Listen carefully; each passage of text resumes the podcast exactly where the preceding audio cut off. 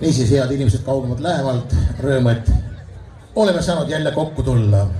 kõigepealt tänan siis korraldajaid. kõik on ju ilus, mikrofon töötab, päike paistab. nüüd on vaja ainult seda sisemist tahet ja rõõmu. niisiis, alustan. minu küsimused saavad olema retooriliselt sisemuses, et kaasa mõelda koos teiega. ja minu esimene üleskutse ja neid ma teen oma kõne jooksul mitmeid. esimene üleskutse on, kui igaüks meist täna, minnes siit ära, jõuab veel ühe inimese sisemusse, et panna ka tema mõtlema, uurima, teada saama, olema teadlik, siis me oleme oma tänase päeva teinud selliselt, nagu seda teeb iga endast lugupidav inimene. minu esimene üleskutse kõlab niimoodi. emad ja isad. veel kord, emad ja isad. kui te peate ennast emaks ja isaks, kes on oma suures armastuses siia maailma loonud uue inimese. ärge tehke neile seda mida te võite kahetseda kogu oma ülejäänud elu. ärge tehke neile haiget, liiga. ärge tehke neile seda, mis saab neid kiusama, piinama, valu tegema nende kogu ülejäänud elu. mõelge väga lihtsalt. sest see otsus, mida sa teed täna, isa ja ema see mõjutab selle väikese inimese kogu tema elu. ärge tehke talle haiget, ärge tehke talle liiga, sest tema on kaitsetu.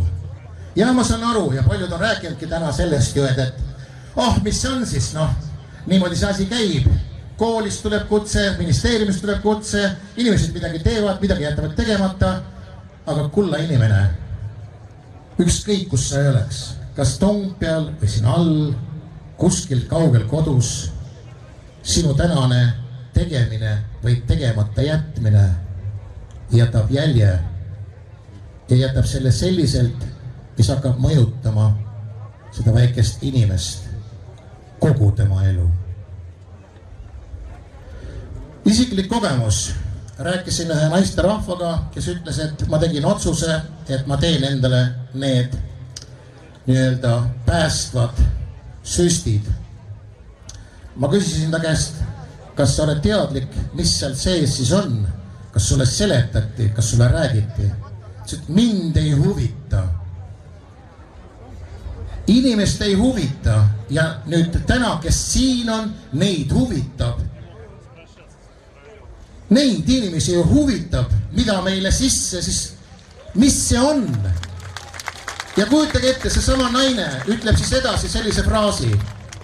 isegi teades, et ma enam pärast neid süste lapsi ei saa, ma ei tahagi neid. kas te kujutate ette, kui kaugele on jõudnud see veenmine või info, et üks inimene omab enda sees sellist mõtet?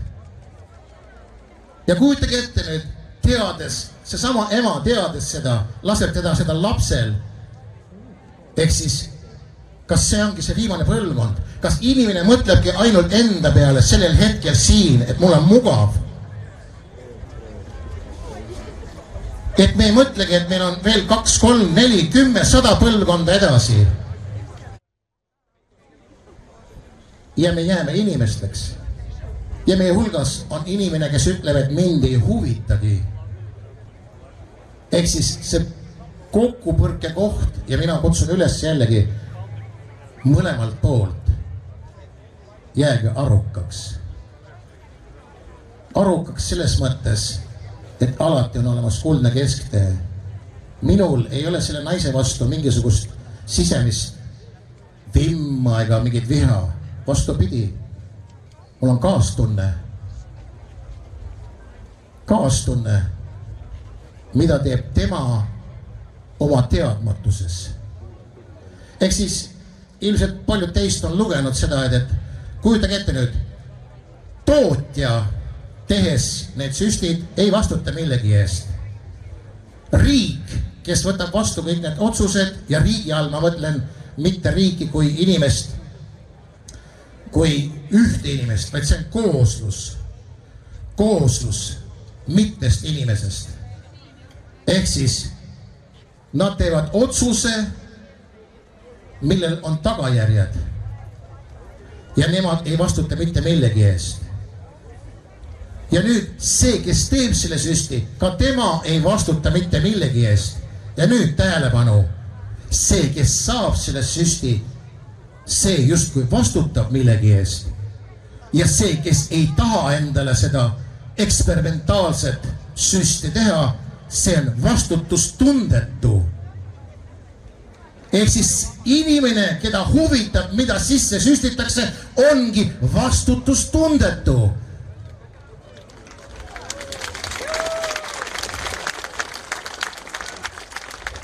mõelge nüüd jällegi kui teie kodus võtaksite kätte ja hakkaksite kõiki neid komponente ja ma usun, et enamus teist on neid komponente tead-, lugenud, mis seal on.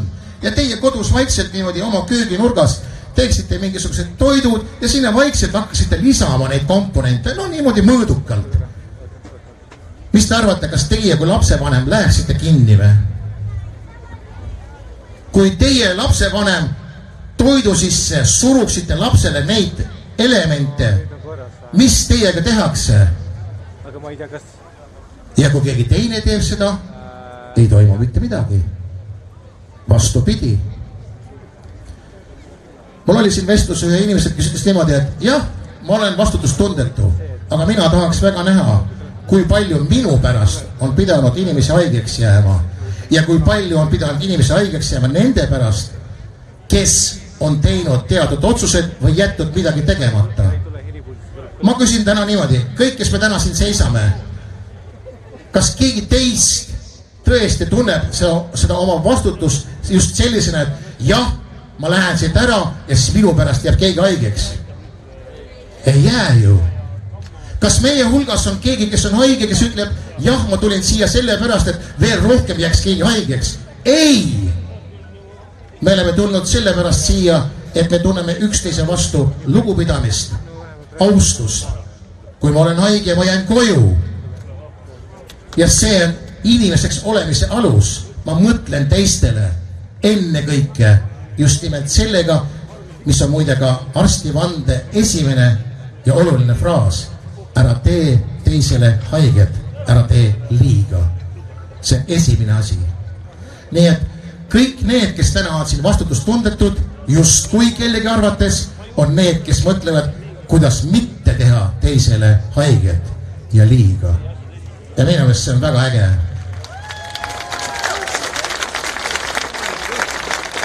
Just oli üks ja üleskutse jällegi, palun omavahel jagage kõike seda, mis on autentne ja ma võtsin nimelt kaasa, et mitte eksida nimedega, teatud infokilde ehk siis näiteks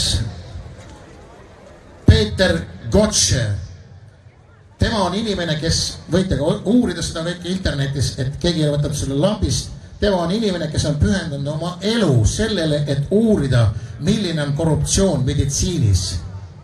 Ja ta räägib, et enamus tootjaid on ostnud endale need teaduslikud tööd, mis on nende kasuks töötavad.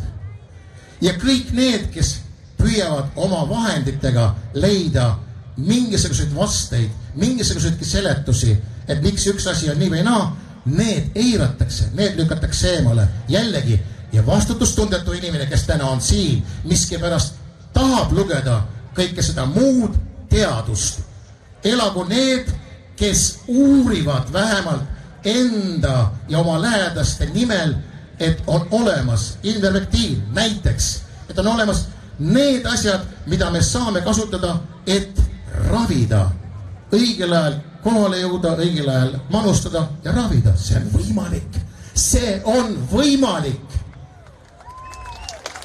ja miskipärast on inimesi, kes meie eest seda varjavad. Öelge mulle, kes on need, kes seda meie eest varjavad ja mis veel hullem, ei luba, keelavad teil tuleb see vastutuse tund. Teil tuleb see tund.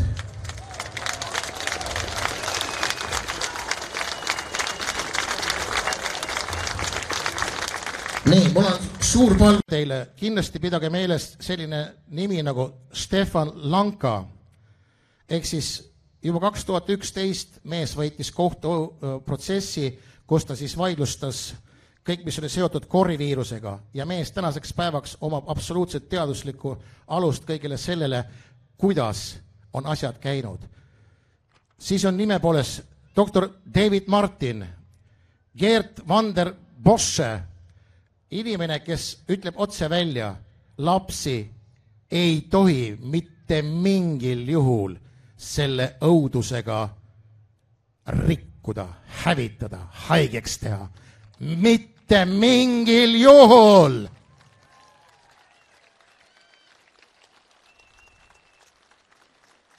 ma ei tea, kas teile õnnestus näha nüüd, just äh, paar päeva tagasi tuli Ameerikast teade, et seltskond, ehk siis jällegi meie jaoks, või ütleme, üldmeedias on vilepuhujast saanud niisugune kuidagi kummalise inimese nii-öelda kujund ja jällegi sisepiiridest inimene ütleb, et nende loendur ehk siis asutus, kes annab välja teadet selle kohta, kui palju on siis neid haigeid, on andnud välja teate, et neid on üksteist tuhat.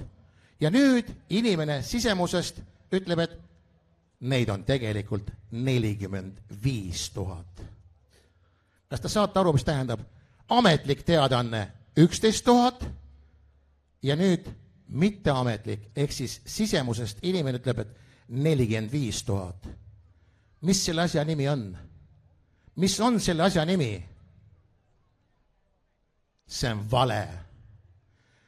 ja mis te arvate siis, et, et kui seal see kõik toimib nii ilusti, sest nemad on ju suuresti need, kes omamoodi suunavad seal WHO-d, on nii? Seal on uus mõiste täitsa välja tulnud, just vaatasin ja ütlesin, nii leidlik faušism. ehk siis jällegi nüüd, nii palju, kui teid täna siin on, vähemalt üks inimene, te võtate kaasa ühe teadmise ja uurite seda. Rockefelleri vanaisa oli inimene, kes tegeleski meditsiinipettusega. ehk siis pani pudelisse mingisuguseid nafta tootmisjääke ja müüs neid pudeleid päris krõbeda hinnaga kõikide haiguste vastu Ameerika üks olulisemaid ajakirjanduspreemiaid, mis välja pandi tol ajal, see algaski tol ajal nii-öelda ajakirjanduslik preemia, oli inimesele, kes leiab üles selle Rockefelleri. teda aeti taga mööda kogu Ameerikat. ja tegelikult leiti alles siis, kui ta oli juba kuus kuud surnud. ajakirjandus ajas taga petturit, kes pani aluse, rahalisele alusele, kuhu meditsiin suunata, millisel moel. ja seda ei ole mitte mina välja mõelnud, on olemas täiesti History Channel, see on olemas täiesti kättesaadavad võimalused seda asja uurida. inimesed said aru, kui sinnamaani oli näiteks haigla koht, kus oli halastus ja kaastunne. Ehk siis inimene läks sinna ja see kõik toimus suuresti tasuta siis see oli koht, kus muudeti kõik see rahakeskseks. ja see kehtib tänase päevani. minu üleskutse on, lugege, vaadake, mõelge, tunnetage, tunnetage oma hingega, sest ainult hingega inimene saab aru, et toimub midagi sellist, kus sinu hing tahetakse muuta või ära võtta. hing on oluline ja kui sul on hinge, isa ja ema, siis sa ei tee oma lapsele seda kunagi. tänan